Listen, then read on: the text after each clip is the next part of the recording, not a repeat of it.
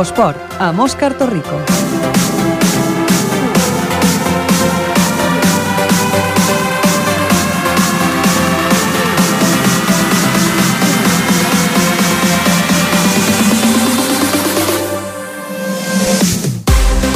Molt bona tarda. Efectivament, això és l'Infoesport, el programa dels esports aquí a Ripollet Ràdio, al 91.3 de la FM. Són les 7 i 5 d'aquest dilluns eh, 8 de juny. Eh, apurem ja eh, les últimes jornades de, de la temporada. Els equips doncs, van incloent la competició als campionats en una temporada doncs, que acaba una mica doncs, com tenim avui al dia amb núvol, amb una mica de pluja, esperàvem, esperàvem més, tot i això doncs, hem tingut una temporada doncs, molt bona per part de molts equips, recordem que hem tingut diferents ascensos, el del Club d'Escacs Ripollet, el del femení del futbol sala Ripollet, també el futsal Can Mas, l'handbol Ripollet també, i, i també que del Club Patanca La Unió de, de Ripollet. Tots aquests ascensos que, que han estat la, la nota positiva de la temporada, tot i que teníem més, més il·lusions en aquest tram final perquè tenien en alguns equips lluitant, finalment doncs, no, va potser, no va poder ser pel Club de Futbol Ripollet, eh, que no va poder entrar al playoff d'ascens cap a la primera catalana, i tampoc eh, va poder ser el títol pel club de, de tennis en Ripollet, que, que va, després d'acabar primer en el campionat de la Lliga regular, doncs en el torneig de, de l'eliminatori doncs va quedar sots campió el passat 31 de maig contra el club tenis Andrés Jimeno.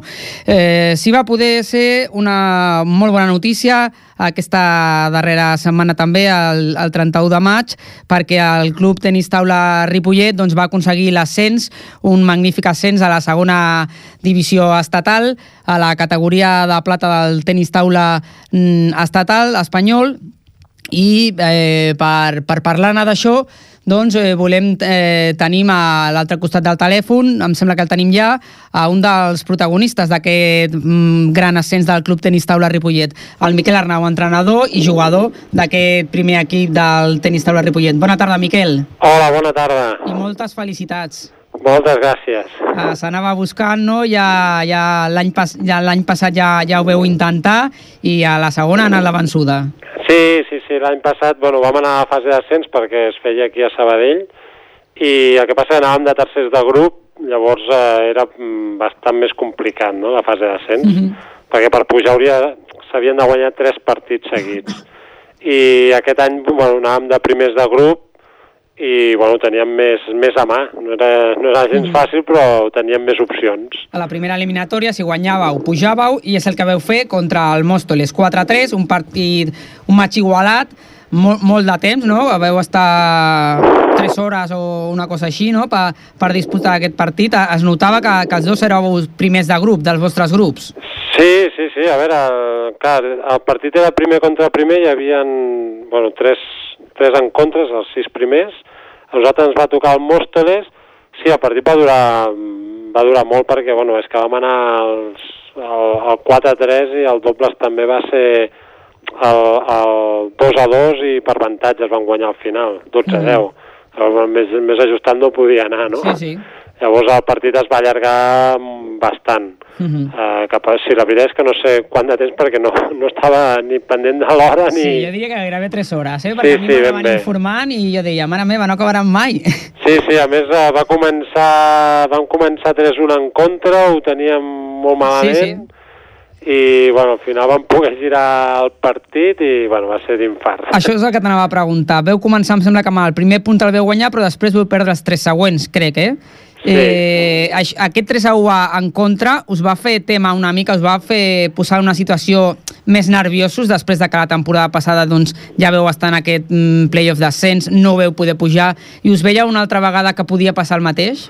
Bueno, a veure, en aquest cas com teníem la repesca del diumenge en sí, cas de, hi havia una segona en cas de perdre, no? no? Llavors, sempre tens el marge aquest que, que tampoc és el que passa que sí que ho volíem sentenciar el més aviat possible i si podia ser dissabte millor, perquè bueno, a més també va venir molta gent d'aquí de, de Ripollet a animar-nos uh mhm. -huh. i que el diumenge segurament no, no haguéssim tingut tant, tanta animació, no? Recordem que era a les Borges Blanques. És a, era a les Borges Blanques. Que és a més- 100 quilòmetres d'aquí, no?, i que l'afició doncs, es va desplaçar i us va estar fent suport, tot i que teníeu aquesta segona oportunitat, deixar-ho per, per, per la segona oportunitat potser no era, no era el més idoni, no? Mm. Perquè en un campionat així també, al final... Sí, la veritat és que bueno, tots els partits de la fase d'ascens són amb molta tensió i poden passar qualsevol cosa perquè Mm. s'iguala molt el, el nivell dels jugadors quasi per, per pel tema de la tensió i dels nervis, no? Mm. I, i bueno, era millor sentenciar-ho a, a poder ser el dissabte, tot i que en algun moment del partit eh, la veritat és que no ho teníem molt clar. Mm. Però, bueno, igual que van començar 3 a 1, els partits que quedaven eh, també es podien guanyar, vull dir, no... Eh, eren molt igualats, no? Vull dir que podien Mm. decantar-se per, per la nostra banda, no? I es van decantar amb el Raül i el Julio, que, que Exacte. van acabar guanyant, veu forçar el desempat en aquest setè partit i definitiu, i tu i el Julio veu formar la, la parella final, que veu guanyar per, com dèiem, no? molt igualat, per 3 a 2, amb un 12 a 10 en el cinquè set, és a dir, patint, patint, eh? Sí, sí, un, un ascens d'aquests de, que quan, el, quan l'obtens m'imagino que, que et sents molt, molt satisfet, no? Exacte, bueno, en, en el doble també van començar guanyant 2 a 0, Uh -huh.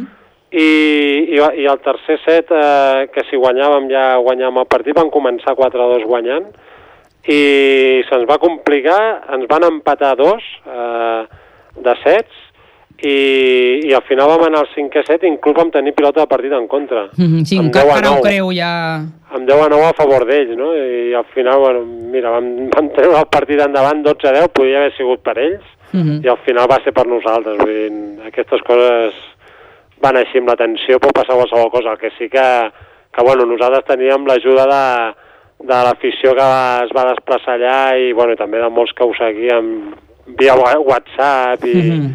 I tots ens animaven i home, això també es va notar. I la seguretat de que portàveu una ratxa magnífica, és a dir, 22 partits, 22 victòries, us veu plantar sense cap derrota en, a, en la fase final del torneig.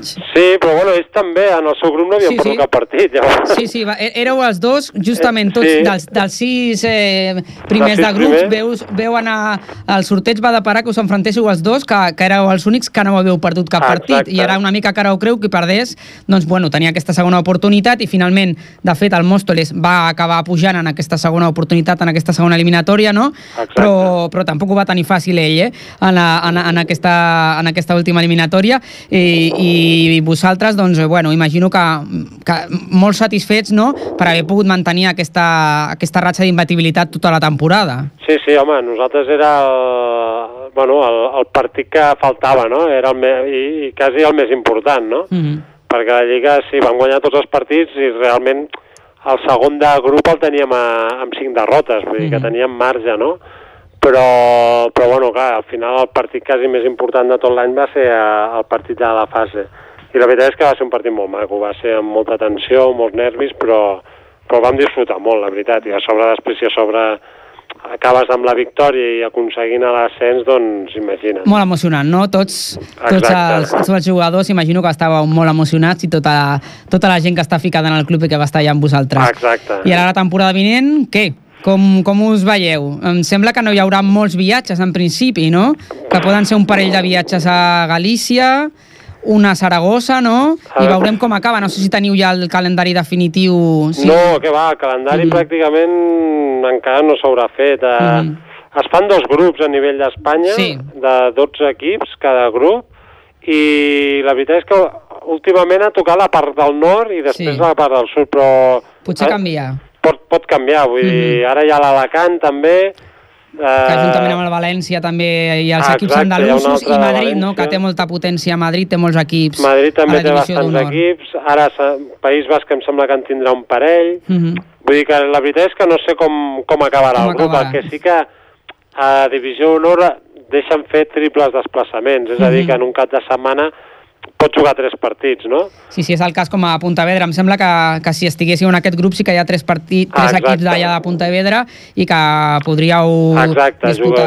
jugues, jugues, home, és, és, és molt dur perquè si en un partit de fase d'ascens ja vam acabar Mhm. ah, Morts, no? destrossats, doncs imagina't si l'any que ve seran tots els partits igual, no? Però, però clar, això també a nivell econòmic eh, ajuda al club, no?, per dir Mhm. alguna cosa. No és, no és l'ideal a nivell esportiu fer tres partits en un cap de setmana perquè l'exigència és molt alta, Mm. eh, però bueno, si a nivell econòmic eh, això ajuda, doncs, doncs haurem de fer-ho, no? Mm. El que passa que, bueno, sí que l'any que ve serà molt dur, Sí. eh, perquè jo entenc que els equips són com el... Bueno, més o menys serà com la fase d'ascent, no? Mm -hmm. Inclús més fort, segurament. Llavors, doncs, bueno, Mm. Haurem de haurem d'apretar. Ja heu fet alguna reflexió de si mantindreu el, el bloc d'aquesta temporada, eh, si penseu que pot haver-hi alguna incorporació, com ho heu plantejat? És, eh, a, a veure, el bloc el mantindrem Sí. segur, els tres que estem, el 4, el Martí, Mm -hmm. i ara es, mm, veurem a veure si hi ha un noi jove d'Igualada que jugava a primera també, Mm -hmm. que té un, té un nivell per jugar a Divisió Honor, doncs si pot venir Reforçar, a reforçar una no? mica l'equip, no? Mm -hmm. Uh, però bueno, encara no, no és clar, no és segur, que les altres opcions ja és amb altres condicions i ara mateix no, Clar. el club no les El pot afrontar. econòmic, mhm. Exacte, llavors, doncs, bueno, veurem a veure com, com sortim, les ganes les tenim i les expectatives són altes, l'objectiu serà mantenir la categoria l'any que ve, Mhm. I que, bueno, que el, tant el Raül com el Julio, com en el cas del Martí, puguin assolir la categoria i començar Mhm. també a fer punts a Divisió d'Honor i això s'aconsegueix pues, assolint la, mantenint la categoria un, un, uns quants anys, no? Llavors Mhm. ja més o menys et vas, et vas ficant en el, en el nivell. Aquesta seria la idea, no? Mhm. Intentar, ara ja que hem pujat, doncs intentar mantenir-la. Doncs tant de bo que sigui així, Miguel, que, que en aquesta segona categoria a nivell estatal, a nivell espanyol, doncs tant el Miquel Arnau com el, Raül Porta i el Juli Andrade, el Martí Berenguer, que també forma part de l'equip, i si hi ha aquest reforç, doncs que pugueu mantenir la categoria, s'ho desitgem. Molta sort per aquesta propera temporada i sobretot felicitats i gaudiu-lo aquest estiu amb, amb els deures fets. Moltes gràcies. Vinga, bona tarda. Gràcies, bona tarda. Adéu. Adéu. Doncs no volem eh, deixar de parlar de, de tenis taula, com ho estàvem fent, perquè ara us explicarem una, una altra coseta. Esteu escoltant Infosport. I volem seguir parlant de tenis taula perquè eh, de les categories inferiors doncs estan començant a disputar diferents eh, campionats de Catalunya de diferents ca categories. I precisament aquest passat cap de setmana es disputava el Campionat de Catalunya infantil i sots 21 a, a Reus, a la localitat tarragonina. I el Club Tenis Taula Ripollet doncs, va fer una molt bona participació, es van portar cap a casa 5, victo 5 medalles perdó, al Campionat de Catalunya infantil i altres 3 al Campionat de Catalunya Sots 21. La Mireia Parató va aconseguir la plata en infantil i l'Aina Mogas al bronze. També l'equip del, del Club Tenis Taula Ripollet va fer plata i bronze, totes dues medalles en la categoria infantil i en la prova de dobles, la Lídia Rico i la Mireia Parató també van fer una medalla de bronze. Per tant, cinc medalles per, per eh, les ripolletenques, en aquest cas tot per les, per les noies de, de l'infantil. I en la categoria Sots 21 doncs, va haver-hi doncs, un- una mica de tot. En, en tema masculí, eh, el Raül Porta fent parella amb un noi d'Igualada, amb el Joan Massip, es va emportar l'or en aquesta categoria de doble sots 21 masculina i en el tema femení doncs, l'equip ripolletenc va fer el bronze en aquest sots 21 i també l'Anna Ibáñez es va, es va penjar la plata en la categoria individual femenina. I aquest proper cap de setmana, 13 i 14 de juny, tindrem aquí a Ripollet el campionat eh, de les categories a la vi i també ju juvenil. A veure, tinc per aquí al paper. Per parlar-ne tenim el, el president de, del club, el Romà López. Romà, bona tarda. Hola, bona tarda. Ho he dit bé, Alevi juvenil. A l'Evi juvenil, ho has dit bé, ho has dit bé. Molt bé. I aquests dos dies, dissabte i diumenge, no, tindreu aquí una competició amb molts joves i en el que també espereu, imagino, sumar alguna medalla. Home, esperem eh, sumar, no vull dir bastantes, perquè sembla una mica pretensiós, però si ens atenim al que ha passat altres anys i a l'evolució que portem, doncs eh, algunes sí que esperem que aconseguir. Uh -huh. uh, el, el, durant el campionat també, en paral·lel, se celebrarà un obert de, de tenis taula, oi? En el qual es pot, es pot in- inscriure també la gent, veritat? Al Sí. llarg d'aquest 13 i 14 de juny, al matí. Mira, el que fem és que, bueno, ja sabeu que portem quatre anys organitzant els campionats alevins i juvenils Mm i sempre hem volgut que siguin quelcom més que una, que- una competició oficial, que sigui una Mhm. mica una festa del tenis taula, no? I per això organitzem diverses coses, diverses activitats al voltant de la competició Mm. oficial. I una d'elles, que ja és el tercer any que la fem, és el combinat, l'Open l'Obert Combinat, que està adreçat a tothom que li agradi el tenis taula i que, bueno, vulgui disputar, ja sigui dissabte al matí o diumenge al matí o tots dos dies, Mhm. doncs eh, una competició doncs, eh, Individual i, i dobles. No, individual, Ah, individual. individual sempre. només, sí, sí, Mhm. sí, sí. I després també organitzem per primera vegada l'Open Integració, que és per gent amb dificultats, eh, discapacitat. Uh -huh. Uh, aquí tenim una mica més d'incògnita a veure quantes inscripcions Mhm. tindrem, però també, com que tenim un grup de discapacitats eh, i, de, i de Mhm. malalts mentals a, entrenant al club, volíem també que poguessin tenir la seva competició. Que tinguessin el seu espai, no?, dintre d'aquesta Sí. festa que organitzeu. Mm, Tot això ho fem a la pista anexa, perquè la pista central del, Mhm. principal del pavelló Joan Creus. està, està amb la competició, La competició federada. oficial i federada, i bé, doncs una mica la idea és això, que durant el dissabte i el diumenge tot el dia hi hagi, hi hagi tenis taula a les dues pistes. I també hi ha una jornada que em sembla interessant, que es diu Educar i entrenar per empoderar a l'esportista, que Mhm. imagino que, que pot servir doncs, per tota que hi ha gent jove que està doncs, entrenant a esportistes a infants, també per les famílies, no? que fareu el Mhm. dissabte a les 5 de la tarda al mateix pavelló Joan Creus. Sí, aquest és el segon any que hem incorporat dintre del, dintre del campionat doncs, mm, com una espècie de xerrada, conferència, per anar tractant els diferents àmbits de, de, de, bueno, del, del tenis taula i de l'esport en general, perquè Mhm. no només és tenis taula. L'any passat vam fer prevenció de lesions amb un fisioterapeuta i un osteòpata i un preparador físic, i aquest any és, eh, ens adrecem més al tema psicològic. I bé, doncs eh, va adreçat una mica a, a famílies i entrenadors de cara a com han de gestionar totes aquestes emocions i psicologia de l'esport perquè al final el, els esportistes puguin prendre les seves decisions encertades. Mm -hmm. Sembla una xerrada doncs, molt, molt interessant que farà la Marta Aroles, que és una psicòloga experta en coaching del rendiment esportiu, oi? Que Sí. serà el dissabte a les 5 de la tarda al, al hall de- d'accés del pavelló Joan Creus. Sí, muntarem com una espècie d'aula, ja ho vam fer l'any passat, i bé, esteu, està tothom convidat perquè és d'accés lliure i, i crec que pot ser molt, molt interessant, eh, ja et dic, no només per, per la gent del tenis taula, sinó Mhm. dels esports en general. Doncs fem aquesta, ens sumem a aquesta crida des d'aquí a que les famílies que tenen doncs, in, infants i adolescents doncs, practicant esport doncs, que hi vagin per, per saber-ne més. Segur de, que d'aquests consells experts doncs, ens trauran moltes coses. I també molts joves que estan entrenant a altres joves no? i que, que en, en aquesta gran família de l'esport aquí a, a la ciutat. Doncs moltes gràcies, Romà, per explicar-nos una mica com anirà tot i sobretot felicitats perquè, pel que ja explicàvem abans també d'aquestes medalles als Mhm. campionats a Reus la setmana anterior i després d'això ja us anireu cap al Campionat d'Espanya, no? M'imagino a final de mes.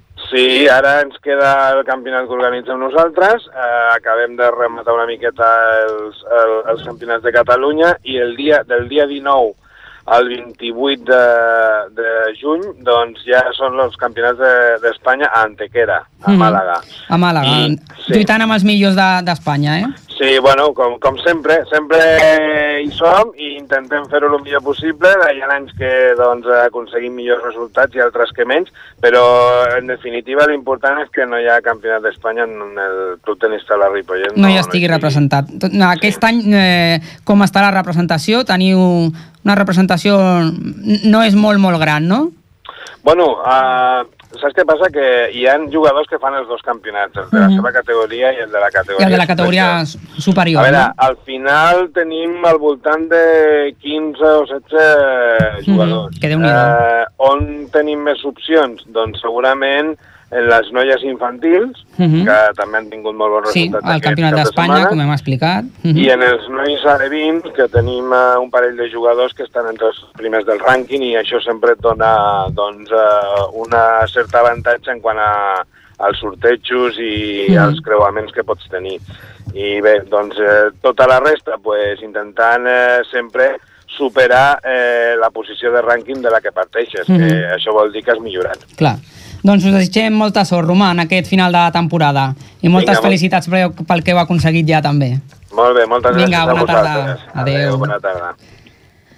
Doncs eh, ara que parlem de- d'esport de, de base, acabem de comentar uns resultats també, perquè aquest cap de setmana la, en, en del Club Patinatge Artístic Ripollet, la Clàudia Aguado ha estat subcampiona de, de Barcelona a la categoria infantil en, a la competició lliure. Això se suma als resultats que ja va aconseguir uns dies abans a, al club en el Campionat d'Espanya cadet, on l'Anna Rabassa va fer l'or al Campionat de Catalunya cadet, com dèiem, i es va classificar per al Campionat d'Espanya, i la Lídia Pujol va fer el bronze en aquest Campionat de, de Catalunya cadet. També s'ha de dir que eh, aquesta setmana anterior el Llorenç Álvarez en la categoria sènior va fer plata al Campionat de Barcelona. Per tant, doncs, eh, el Club Patinatge Artístic Ripollet, que igual que ens passa amb el, amb el Club Tenis Taula Ripollet, doncs, ha aconseguit mm, bons resultats sempre en els campionats i és un dels equips destacats que està sempre en aquestes competicions doncs, lluitant en les primeres posicions. Ara parlarem també d'una altra cosa d'esport de base, però d'una cosa que passarà aquest cap de setmana. Us ho expliquem en un moment. Futbol. Futbol.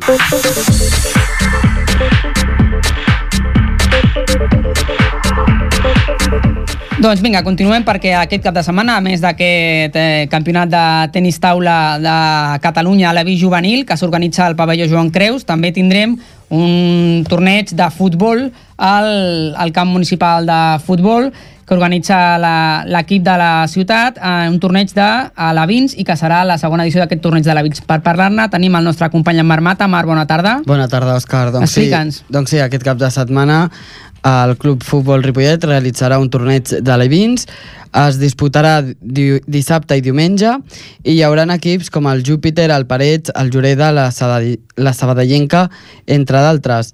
Per parlar d'aquest torneig tenim a l'altre costat del telèfon el Xavi Huesa. Bona tarda, Xavi. Buenas tardes. Hola, buenas tardes, Xavi, que es uno de los coordinadores de- del torneo. ¿Para Sí. cuántos equipos está formada la fase previa? La fase previa está, eh, está hecha para 20 equipos, de los cuales los cuatro que llegan en la eliminatoria de cuartos jugarán el domingo contra Cornellá y todo esto. Por equipos. Es decir, primero hay una, una fase y luego hay una segunda fase donde se incorporarán nuevos equipos que, que también pues, tien- que tienen más nivel, ¿no? Sí, correcto, correcto. Habrán equipos importantes, ¿no? Sí, por ejemplo, tenemos tenemos al Cornellá, tenemos al, al Olot, tenemos al Birru Primer y muchos más equipos de estos así. Intentamos traer el mejor nivel que podemos a estas fechas. ¿Cómo se puntuará la clasificación? Bueno, pues harán, eh, por ejemplo, el sábado, como te he dicho, los cuatro equipos que ganen la eliminatoria de cuartos eh, pasarán al domingo con, los, con el- los demás equipos y el domingo serán eh, cuatro grupos de cuatro, cuartos de final, semifinal y final. ¿Y de, cua- ¿Y de cuánto durará cada parte? Eh, cada, cada partido tendrá una durada de 25 minutos y como hay muchos partidos, para que así todo el mundo pueda jugar mínimo cinco partidos, por ejemplo, el sábado y el, y el domingo cuatro. Eh, de, cuán- ¿De qué edad serán los niños en este Eh, categoría Levin, eh, 2003-2004. Ujú. Mm. ¿Nos explicas un poco los horarios en los que la gente puede acercarse para, para ver? ¿cu- ¿En qué horarios habrá partidos aquí en el campo municipal de fútbol? Sí, mira, por ejemplo, el sábado empezaremos a partir de las ocho y media y el último partido de cuartos eh, acabará más o menos a las ocho de la tarde. Eso el Ujú. sábado y el domingo empezaremos a las nueve y acabaremos aproximadamente a las seis y media con la final, una cosa así. Hablamos siempre de una entrada libre, ¿no? Que la gente Sí, podrá sí, sí. entrar para, para ver la competición y para ver a, a jugadores alevines, decíamos, de estos equipos que son equipos pues que tienen tradición, muchos de ellos, en el fútbol base catalán, ¿no? Y que imagino que lo que queréis es un poco, pues, mm, poner un poco de colofón de, a, a la- a esta temporada, ¿no? Compartiendo, pues, con otros equipos, pues, todo lo que es eh, la, la enseñanza a los chavales, ¿no? Correcto, correcto. Intentamos traer también equipos que durante la temporada no hemos podido jugar con ellos, o así de nivel, y para que los chavales disfruten y se puedan despedir a lo grande de la temporada. En esta categoría, Alevín, ¿qué crees que es lo más importante para los jugadores y jugadoras? Mm, Los aspectos ya mm, tá- tácticos empiezan a ser importantes en esta edad, Mm, los valores todavía son muy importantes, ¿qué, qué es lo que más, más potenciáis en, en esta edad? Bueno, eh, principalmente eh, la formación del jugador eh, y, los valores. Si, el jugador no tiene una formación y unos valores, no se puede trabajar lo demás porque primero tiene que tener estas, estas partes. Y una vez que tiene estas partes, pues ya trabajamos lo que al niño le corresponde a nosotros por la edad, cosas que el niño puede, puede hacer. Cosas que el niño no puede hacer, que igual le toca con una, una etapa juvenil, pues no se, la, no se la hacemos. Le hacemos lo que necesita para la etapa alevín. Pues muchas gracias, Xavi, y nada, que vaya muy bien. Os deseamos que, que el torneo pues transcurra muy bien, que los chavales pues disfruten y sobre todo que las familias y toda la gente que le interese pues verá como la, las, alguna futura promesa que seguro que, que está por ahí, pues eh, seguro que se puede empezar a ver a ver ya. Correcto. Pues Muchas muchas, gracias, gracias. Xavi. Suerte. A. Que vaya Hasta bien. luego. Hasta luego. Moltes gràcies, Marc. Fins A tu. ara. Fins ara. Boxa. Boxa.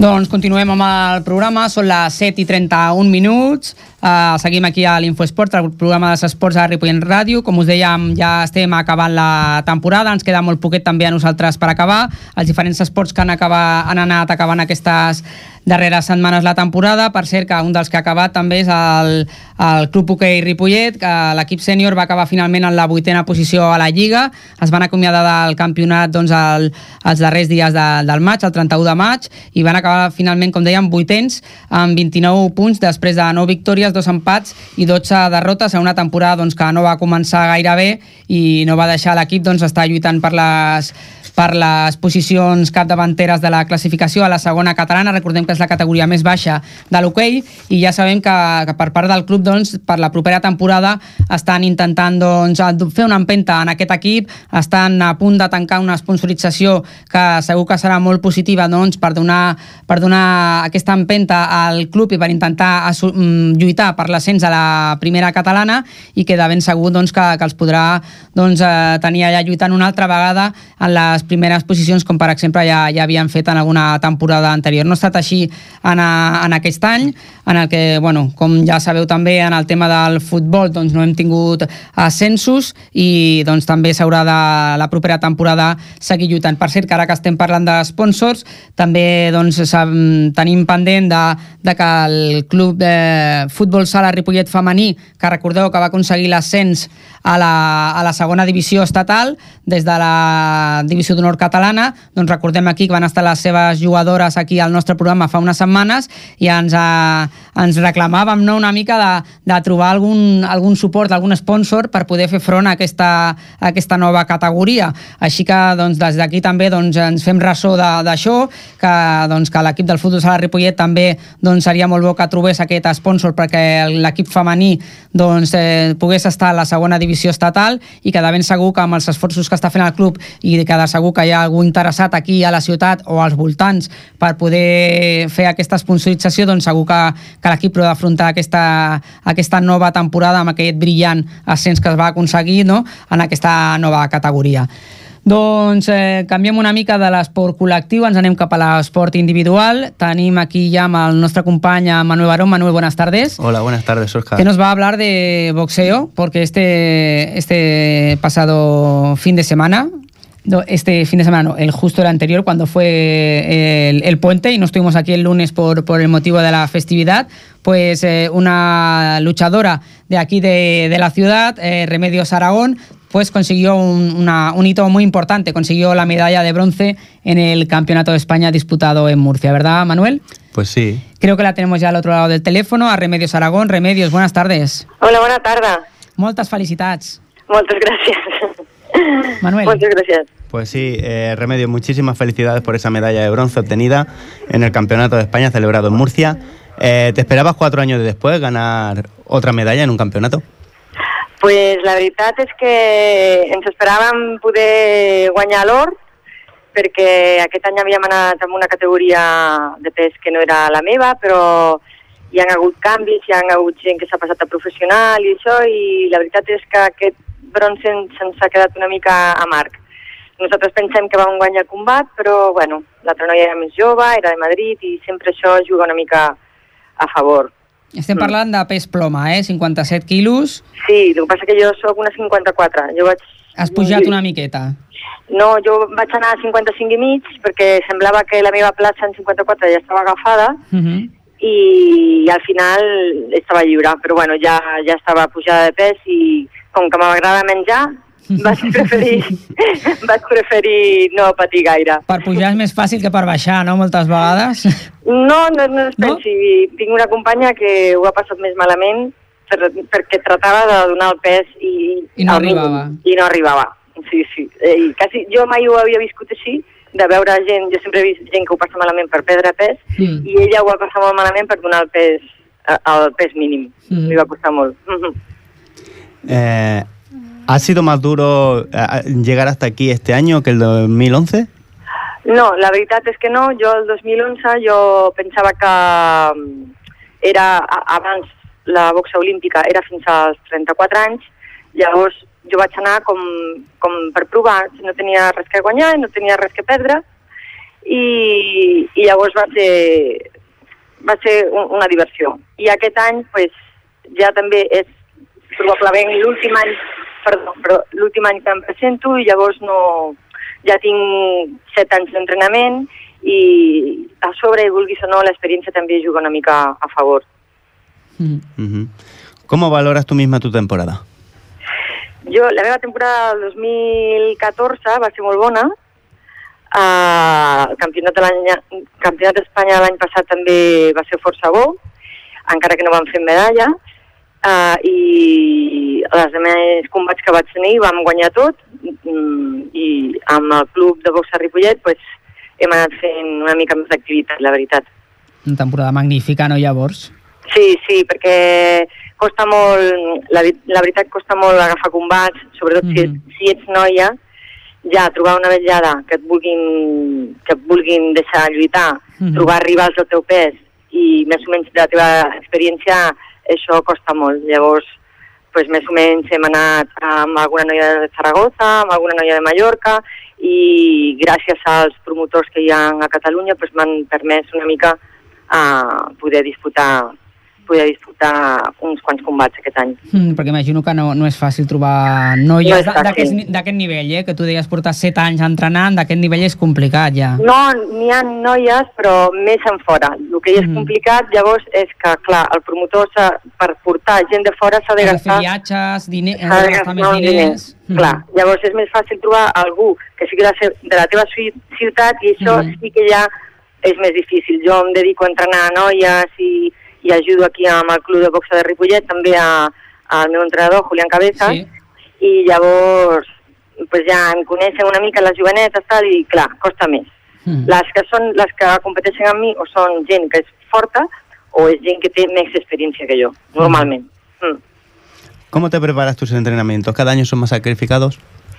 La veritat és que jo, amb l'experiència que tinc de, amb la selecció catalana, amb el Juanma Cortés al CAR de Sant Cugat, vaig aprendre molt d'entrenament físic i també vaig estar un mes amb la selecció espanyola a, a Sierra Nevada.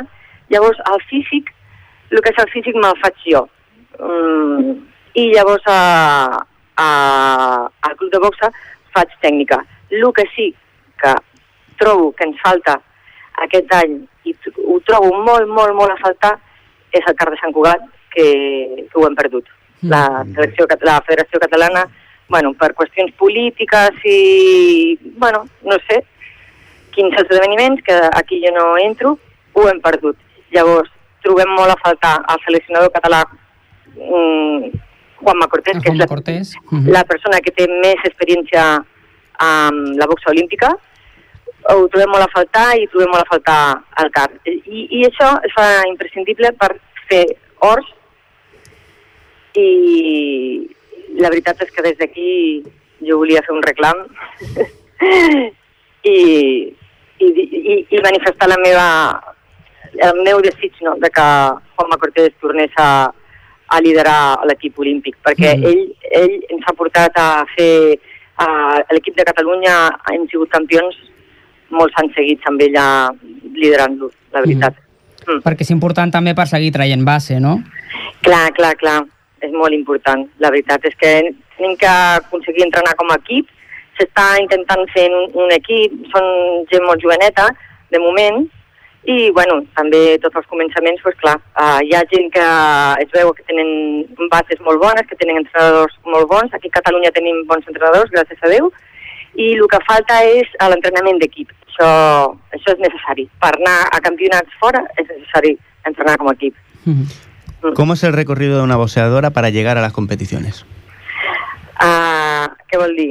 En aquestes competicions ja tan importants de campionats de Catalunya, campionats d'Espanya, eh, com s'aconsegueix? És, em, Com, com s'aconsegueix treure aquestes jugadores, eh, lluitadores, perdona, entrenar-les? És a dir, qui, quin, és el, quin és el temps, quin, quin és el, el mecanisme pel qual, pel qual doncs, aneu treballant? La veritat és que jo, com que jo estic des del 2011 amb la selecció catalana, uh, si del meu pes no hi ha ningú que estigui més qualificat que jo, el lògic és que vagi jo al Campionat d'Espanya. Uh, es faci preselecció o no es faci preselecció. Mhm. Si hi ha més competidors del mateix pes, llavors el que es fan és es preseleccionen amb combats previs i, i, es, i es decideix qui està en millors condicions de, de competir. Però en tema noies, com parlàvem abans, la cosa, doncs, eh, no hi ha tantes noies no? que, que, que s'animen per aquest esport? Sí, sí que n'hi ha, n'hi ha Comença a haver-hi més? Cada, sí, cada cop n'hi ha més noies. Cada cop n'hi ha més noies. Jo conec forces noies i, i jo estic intentant ajudar en el que puc perquè Mhm. amb elles no els hi passi com a mi i, i sí, sí que hi ha noies, hi ha noies. El que necessitem és uh, menys política i més esport. Més, Això és el que més suport a l'esport, no? De veritat. Sí, suposo que això passa a tots els esports. Sí, Molt, no? Al final, veritat. en molts esports doncs, sempre hi ha reivindicacions d'aquestes, no? de, de que s'ha de fer costat doncs, a la gent que està començant i la gent que, que ho necessita, no? Clar, clar, clar. clar, clar. Manuel. ¿Es más duro para una chica este deporte que para un chico? Des del meu punt de vista, a vegades sí, sí, perquè sobretot la boxa és un esport que està, sempre està estigmatitzat, no? Sempre està, pensem que és per un tipus de gent. I, clar, dintre de la boxa, a més a més, les noies, és, el masclisme, hi ha masclisme a tot arreu. Mm. Hi ha entrenadors que, gràcies a Déu, no, no discriminen a les noies, però hi ha entrenadors que sí, o hi ha clubs que sí. Llavors, una noia sempre ha de demostrar que, que val igual que un noi, sem mm, sempre. Llavors, quan comences a entrenar, per exemple, tu vas a un gimnàs i només hi ha nois, Mhm. i estàs tu. I llavors, mm, pues, al començament pues, algú no es vol ficar amb tu, o algú, clar, no et vol, o altre no et vol fer mal, altre, clar, és complicat. Els començaments són complicats, la veritat.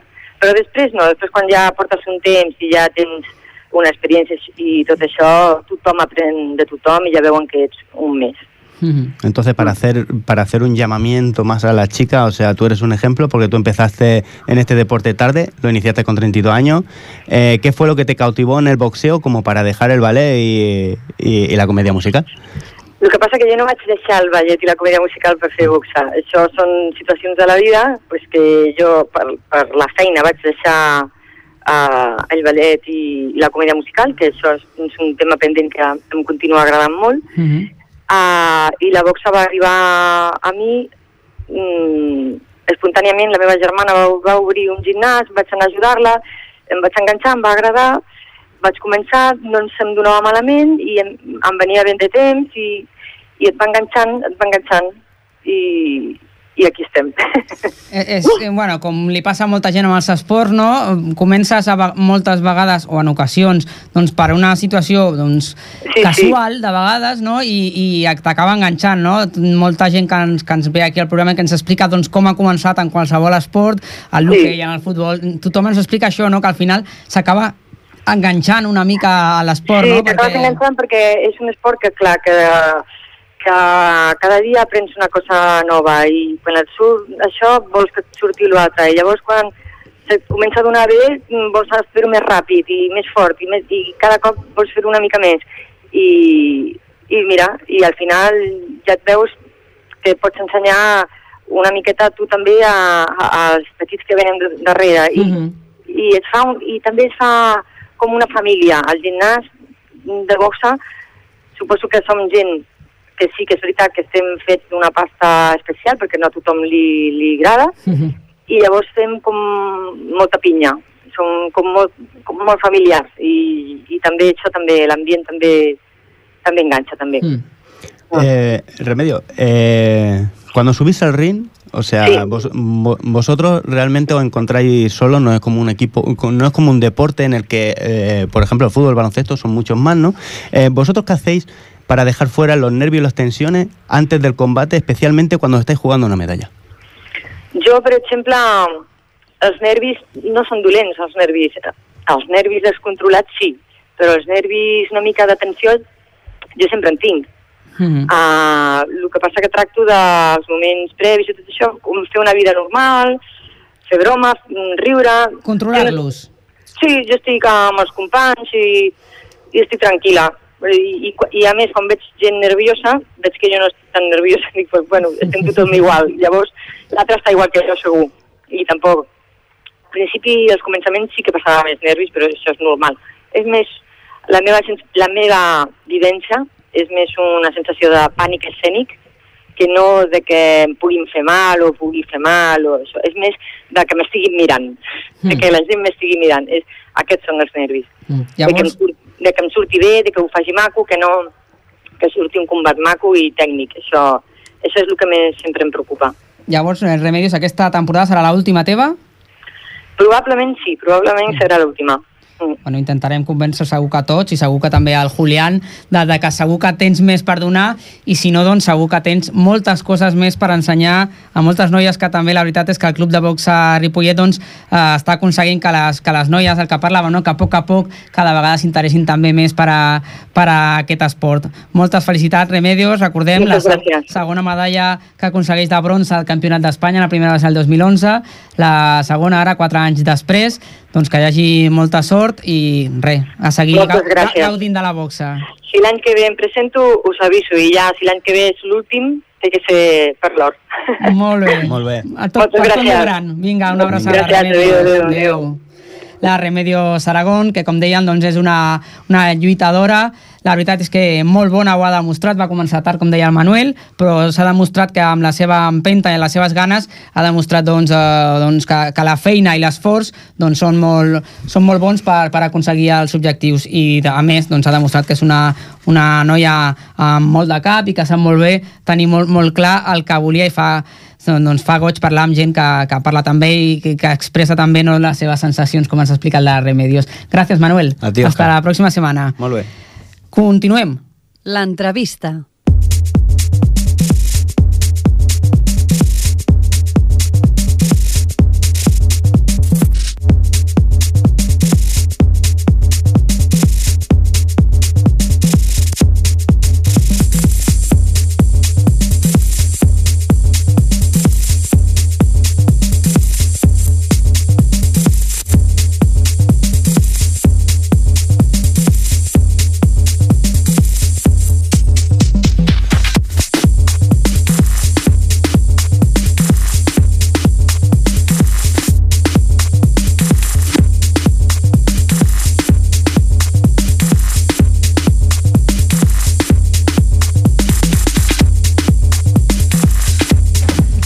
Doncs per acabar el programa d'avui, són les 7 i 48 minuts, acabarem amb una informació de culturisme.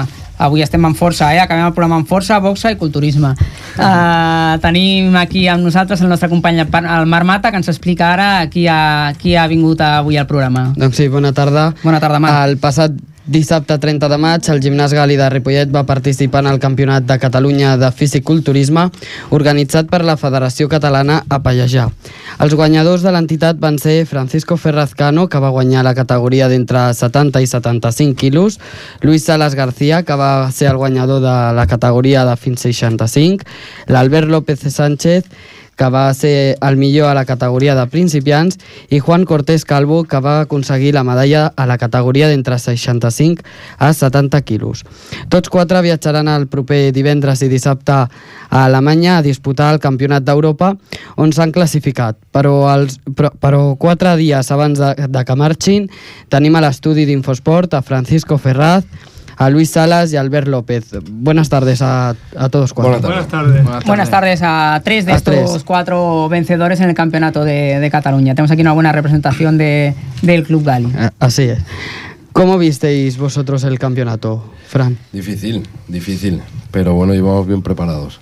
La verdad que el Gali nos prepara muy bien y, y vaya, para nuestra sorpresa, pues todos primero. Qué mejor alegría. Qué ¿no? mejor resultado, ¿no? Después de poder comer mucho el mismo sábado, pues ya el domingo vuelves a la, a la normalidad que es la dieta en nuestro caso.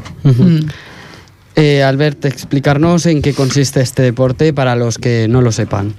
Bueno, pues básicamente la competición, cuando uno sale a, la tarima a ser juzgado, los jueces lo primero, bueno, lo que se basan para, para- para hacer su veredicto es tamaño muscular, eh, definición muscular, sequedad y, simetría y proporción. Según bajo el criterio subjetivo de, de cada, de cada jurado, vas puntuando, de- de- ah, vas puntuando dependiendo de, de unas poses obligatorias que tienes que hacer, las cuales tenemos que hacer todos, obligatoriamente, como bien dice, dice su nombre, entonces a partir de esas poses pues se va puntuando y los que sacan mayor puntuación son los que los que pues los que los que acaban ganando, los que quedan primero, segundo y tercero y hasta la- hasta los que hayan. Pero también, bueno, este, este año cambió un poco la dinámica y lo primero que hicimos fue hacer los perfiles, en los que te miran de frente, de perfil derecho, de perfil izquierdo y de espaldas. Eh, las poses libres, que te ponen una coreografía de un minuto y tienes que hacer las poses que, que tú quieras. Y después las poses obligatorias para volver a comparar. Y de allí pues sacar el veredicto final para determinar quiénes son lo- los ganadores. Y Luis, esto ha complicado más la, la competición. Parece que para vosotros no, que al contrario, ha sido más bueno, Bueno, yo, ¿no? yo una vez que llego allí, lo que me pidan, nos preparamos y para arriba y a darlo todo. Nos preparamos, no, que nos mentalizamos porque también vemos a nuestros rivales, ¿sabes? Una vez que estás allí, en el pesaje ya ves a tus rivales. Y allí, por lo más normal que te venga abajo, ¿sabes? Porque a todo el mundo lo ves tú mejor que tú. Y ahí están los compañeros para... ¿Qué? ¿Cómo ve a este? ¿Cómo ve al otro? Pues nada, tranquilo que, pum, que, te lo, que no hay problema. Casi que es mejor no mirar, ¿no? Porque Bueno, está difícil no mirar, ¿o no, Paco? Sí, la verdad es que se Mira pasan mucho. nervios. Aquí llegas, llegas una vez al pesaje, lo que dice mi compañero, eh, a todo el mundo lo ve genial, incluso a los de pesos inferiores crees que van a salir contigo, después resulta que pesan 10 kilos menos, pero tu cabeza no rige bien, falta de azúcar, de comida y... Pero bueno, todo pasa. Sí, aquí estamos. ¿Cuánto tiempo le dedicáis a, a esto? Yo, mm, mi vida diaria la llevo todo normal y corriente con mi mujer, mi familia y todo, y en el gimnasio una horita y media, dos horitas. A veces sí te paras Solo dos horas, pero todos los días, ¿será? Sí, un día de descanso, bueno, un día entre semana. Pues solo dos horas porque yo Son- veo son allí gente que está, veo allí gente que está dos horas y os veo a vosotros los brazos y tal y pienso no, No, es- es pues, que hay- hay tienen que trabajar mucho en esas dos horas, ¿eh? Hay diferentes formas de, de enfocarlo. Yo, por ejemplo, empecé por mi padre, que, Ujú. que ya era culturista en su época, y yo con 15 años ya, ya me puse a darle caña. Y bueno, al principio sí que te lo tomas un poco, los primeros años son más duros, entrenas más horas, te machacas porque quieres ya ver resultados. Una vez tienes la masa que yo creo que tengo ideal, porque no soy demasiado alto y más grande, no quiero tampoco que se me vea feo, Mm. quiero un cuerpo bonito, no un cuerpo exagerado. Entonces, como no busco esa finalidad, lo que hago es entrenar 25 minutos, 30 minutos, pero es como una forma de vida, cada día. Cada día, cada día, incluso sábados y domingos, si cabe, pues también. Yo- horas, Cada uno va encontrando su, su situación Claro, óptima, ¿no? yo Cada uno se adapta. Yo particularmente descanso un día entre semana por trabajo, entre semana descanso un día y el domingo. De todas maneras, eh, este deporte lo más fácil es entrenar. ¿eh? Lo más Sí. difícil es la comida, que es el 90%. La Además de que te ocupa, La dieta, ¿no? te ocupa la dieta Sí. las 24 horas del día, porque pasas hambre y ansiedad las 24 horas, es el 90%. Aparte, aparte, compra comida, arte comida. La A mí me comida la paga mi especial. padre, Que ¿eh? no te falte de nada, ¿no? A mí me la paga mi padre, por suerte. Sí, sobre, sobre todo os iba a preguntar eso, que también os tenéis que cuidar con la comida. Explicarnos un poco esta, esta dieta, un poco así Bueno. por encima, que... eh, A ver, yo en mi caso soy bastante grande y tengo que comer bastante. Mido 1,87 y para conseguir tener masa y conseguir un tamaño muscular importante a partir de entrenamiento, pues tengo que comer bastante. Es un gasto semanal importante. Sobre todo si tienes que pensar que tienes que cubrir unos macros de carbohidratos, de proteínas y de grasa. Y lo más caro es la proteína. Aunque te cueste un kilo de pollo 4 euros, no es un kilo de pollo a la semana, es un kilo de pollo prácticamente diario. Sobre todo en la parte final, que, lo que la única proteína es que comes es pollo. O sea, es un gasto bastante, bastante importante. Yo no llevo las cuentas, la llevan mi padre y mi madre, ¿no? De momento tengo esa suerte de que no tengo que gastar de mi bolsillo, pero ellos dos te lo podrán explicar mejor. Claro. Tiene un No es un gasto, gasto, comer sí. pescado también, el pescado es caro. Y no te puede faltar de nada, siempre tienes que estar atento porque claro, no puedes saltarte una comida, por- es importante, ¿sabes? Si estás en la recta final, una comida te puede pegar un, un bajo en el cuerpo, ¿sabes? Que, Claro, es decir, que- ten- tenéis todo muy marcado y entonces tenéis que seguir ¿no? en en esos niveles siempre, Claro. ¿no? Para no... Hay que llevarlo al milímetro porque eh, es que no comer en, en- en una diferencia de media hora respecto a la comida anterior puede determinar que te vayas abajo o que te quedes blando o que no se te Luego también bien. tenemos al, al monitor de sala, al, al Gali, Ujú. que el Gali siempre está encima mirándote, observándote. Ayudando, ¿no? Ahí- la Hombre, alimentación es la tiene vista suya. de experiencia. Dando, su dando algún toque de atención alguna vez, ¿no? Cuando Sí, no sí. lo has... Hay, hay muchas formas de enfocar esto. Yo cuando, cuando decidí pues, apuntarme a un gimnasio, lógicamente fui con mi padre, ¿no? Pero, pero Gali está muy especializada pues, en, en todo tipo de deportes, porque hay de todo. En ese gimnasio lo tienes todo. Pero quizá en el tema de, de musculación, los propios competidores hemos hecho que sea más serio de lo. o nos lo tomemos más en serio que otros gimnasios. Aquí, por ejemplo, cuando vas a competir. No sería la primera vez que a escasos días de una competición te dan un toque y, y te avisan que no vas a salir, ¿no? Por no haber hecho las cosas bien. O sea, buscamos ganadores y, y nos tomamos muy en serio, la verdad. O sea, Claro. Siempre con, con deportividad y Si de te buen rollo, preparas es pero- porque tienes que tener las cosas claras y echar para adelante, ¿sabes? No te puedes preparar. Venga, va, Gali, prepara. No. A medias, ¿no? No, o Claro. lo haces bien o lo haces bien o no lo haces. haces, ¿no? pesarte cada día, hacerlo todo muy bien, entrenar bien. Pesar cada comida, Y a lo último, cada a lo último de la competición todo es es súper bonito, ¿sabes? Pues está todo el día encima mirándote, que Sí, sí, sí. ¿sabes cómo va, eh? Cómo No, va la él, él pierna, lo hace cómo va- fácil. Lleva muchas Claro. competiciones a cuestas, ha hecho muchos ganadores.